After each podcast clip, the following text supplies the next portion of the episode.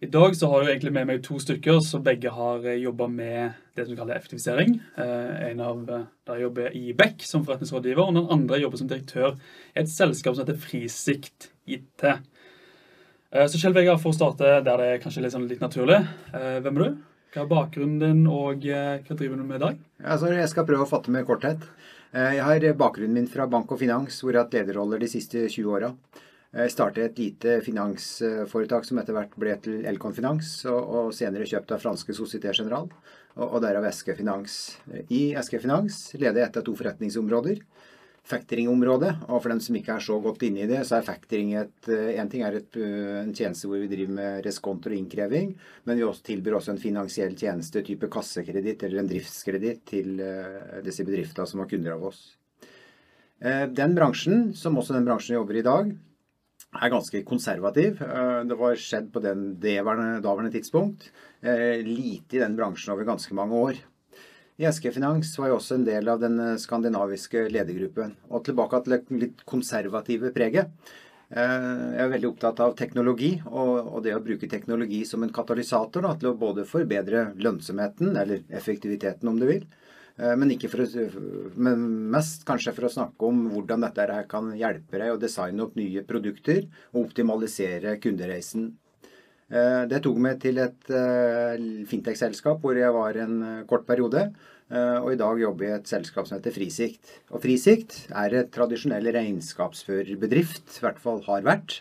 Vi står i en endringsprosess hvor vi går fra å være en tradisjonell leverandør av regnskapsførertjenester til SMB og landbruk på Innlandet, i den regionen jeg da jobber i, til å være mer en forretningspartner. Og for den som ikke er klar over det, altså SMB jo, eller de små og mellomstore bedriftene, er ryggraden i norsk næringsliv. Det er ikke Equinor og Telenor og disse store lokomotivene, som for all del er viktig, men det er SMB som, som utgjør ryggraden. Eh, innenfor bank og finans, som jeg da kjenner veldig godt, har jo forsømt SMB-ere over veldig lang tid. Det kan jo være et tema på en annen samtale, eh, men, men, der er det veldig mye spennende som skjer. Fellesnevneren for alt jeg har drevet med, er jo dette med forretningsutvikling. Eh, det å tilby relevante løsninger for kunder som gjør at kunder kan drive mer rasjonelt, effektivt og lønnsomt, og ikke bare nødvendigvis type overskuddsmaksimering men få et mer si, langsiktig bærekraftsperspektiv, og gjerne at man benytter de mulighetene og oppsida som nye teknologiske løsninger åpner opp for. åpner opp for. Så beklager, Storre, men det er utfordringa når du tar med meg inn i studio. Da går tida litt. Rann, det var en litt lengre introduksjon av meg sjøl. Ja, det synes jeg er bare fint. For Oskar, vi er jo kollegaer. Og du har jo jobba med et annet effektiviseringsprosjekt tidligere. Uh, har du kanskje noen overskrifter fra liksom, din vei inn i det temaet? Ja, jeg får prøve å holde det, holde det kort. Ja, altså, de, de, to høydepunktene for, uh, for, for, min del er uh, for det første at jeg var involvert i et veldig stort effektiviseringsprosjekt hos en aktør i flybransjen. Mm. Og var der med på egentlig hele prosessen, helt fra, helt fra start og til oppfølging og gjennomføring av, av det. Altså, jeg har også vært med på en uh, veldig lignende prosess, men, uh, men, med et litt annet formål, som vi kanskje kan snakke litt om, om senere, innenfor energibransjen. Uh, og ellers er jeg jo involvert i, i daglig ulike, ulike, problemstillinger som har med effektivisering på en eller annen måte å gjøre. Og liksom, Du har jo forsøkt å, å, forklare meg hva effektivisering faktisk er. Uh, kan du liksom forsøke liksom, Kan du beskrive det fagfeltet til meg på ny? Ja, jeg kan i hvert fall gjøre et, et forsøk. Eh, det, det, handler jo i helt korte og kanskje litt tabloide trekk om å sette en organisasjon i stand til å gjøre eh, mer gitt samme ressursbruk. Og så er det en viktig presisering der at man må eh, Det betyr ikke nødvendigvis at man eh, skal gjøre mer. Det kan være at noen velger å ta ut den, den gevinsten i form av at man gjør det samme, men med færre ressurser. Men det, det, handler jo til syvende og sist om å, å få eh, mer ut av de ressursene man, eh, man har, da. I helt enkle, enkle termer. Eh, og så ligger det ganske mye, mye man kan diskutere under der, som jeg tror vi kommer tilbake til, til litt, litt, senere. Men det, det, dette med hvordan man skal ta ut den gevinsten man skaper gjennom effektiviseringstiltak, er en veldig viktig ting å ta stilling til. da. Og Kjell Vegard, altså, vi gjennomførte jo et uh, effektiviseringsprosjekt, nå bruker jeg hermetegn her, da, Mm. sammen med deg da du var uh, direktør i Eske Factoring, i Eske Finans. kan du fortelle litt om bakgrunnen og formålet med det prosjektet vi jobber sammen på? Det kan jeg sjølsagt gjøre, Snorre. Men verdt også nevnes at på den tida i Asker Finans hadde vi to større si, forbedringsprosjekter. Og jeg syns kanskje dette med forbedringer er mer dekkende enn bare effektivisering. Eh, Sjøl om på en måte utfallet kanskje er, er, mye likt. Men vi hadde i hvert fall to forbedringsprosjekter som gikk eh, parallelt på, på samme tid. Eh, det var riktignok litt forskjellige tilnærminger til de to. og Jeg skal jo forholde meg til det vi jobba sammen om, Snorre, sammen med et par andre konsulenter også fra Beck. Eh, vi hadde flere konkrete problemstillinger som vi var nødt for å adressere i, i den tida i SK Finans. Og på bakgrunn av det så beslutta vi å sette ned et prosjekt som vi kalte Forenkling og vekst. Og kjært barn har mange navn. Eh, og selvfølgelig så dette her med å optimalisere kostnadsbasen et viktig område. Men vel så viktig som det er, og litt som du også var inne på, Oskar, dette her med å bygge inn en bedra skaleringsevne. Eh, var superviktig for vår del, gitt det at vi hadde en tanke om at vi skulle vokse videre. Ikke nødvendigvis eh, Ja, vi ville ha en bedre båndlinje òg, men, men, vi trengte mer en annen måte å gjøre vår forretning på, sånn at vi kunne liksom bygge forretningen på det fundamentet som allerede var der.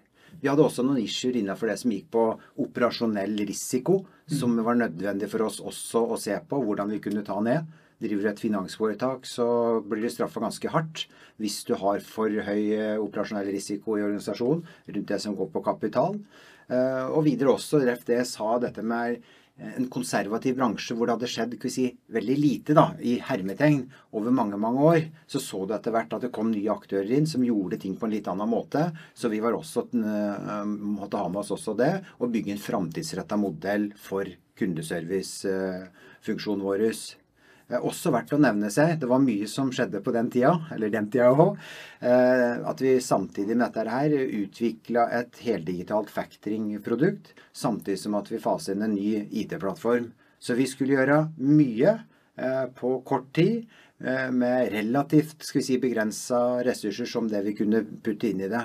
Så det gikk både på prosessoptimalisering, vi gjorde noen organisatoriske grep, og vi mm, satte nye konsepter, samtidig som at vi holdt fokus på å holde kostnadene, om ikke nede, så i hvert fall stabile.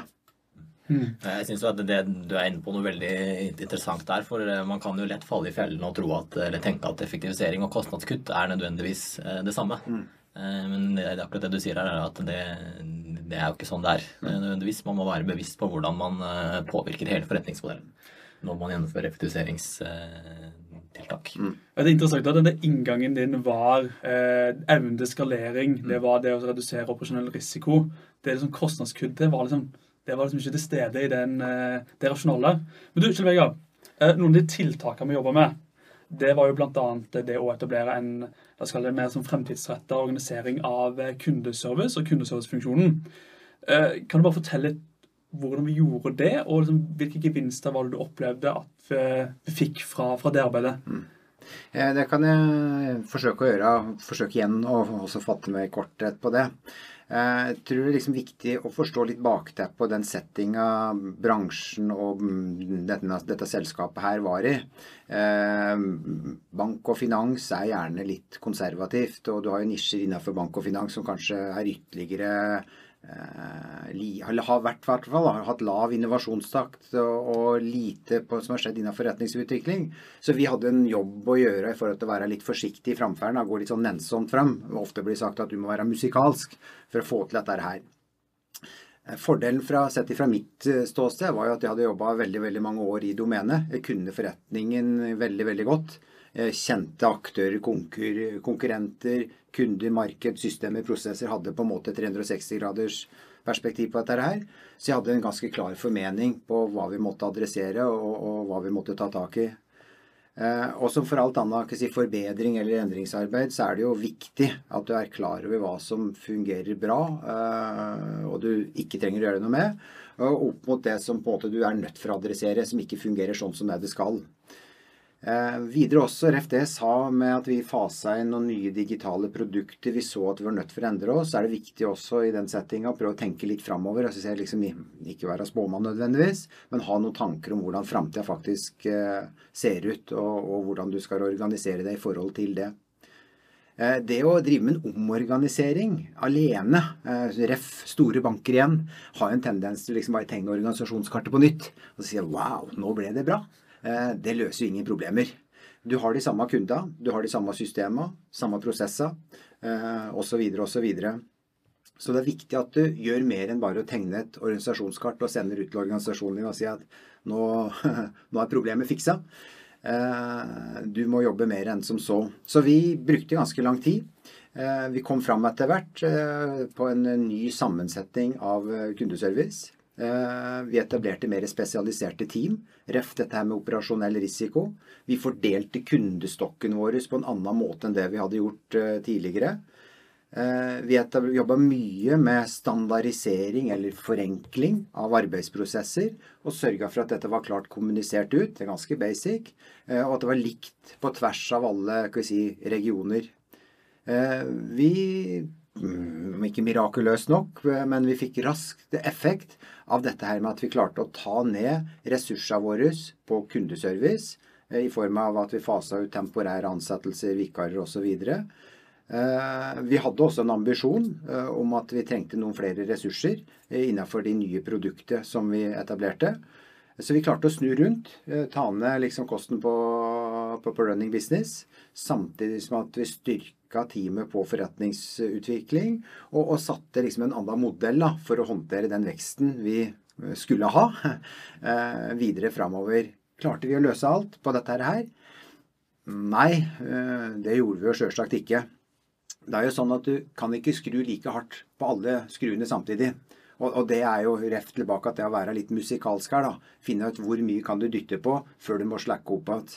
Og du må kanskje også akseptere om en periode at noen KPI-er går ned i form av kanskje kundetilfredshet, kanskje medarbeidertilfredshet, eh, men at du er bevisst på en måte hva toleransen er når du skal gjøre så mye på relativt kort tid. Så jeg vet ikke om det svarte, Snorre, på Det svarte egentlig veldig godt på spørsmålet, og veldig sånn, eh, gøy at du tar fram at man må være veldig bevisst på hvilke skruer man, man skrur på til enhver tid, og at man kanskje må tåle at enkelte ting som du nevner, kundetilfredshet i en periode, kanskje må gå på bekostning av, av andre ting som er viktigere akkurat der og da. Drypp er en lavterskelpodkast fra Beck, hvor vi diskuterer diverse temaer som interesserer oss. Og Hvis du har et tema som du har lyst til at vi skal snakke om, eller du vil være med på en innspilling, ta kontakt på drypp.beck.no.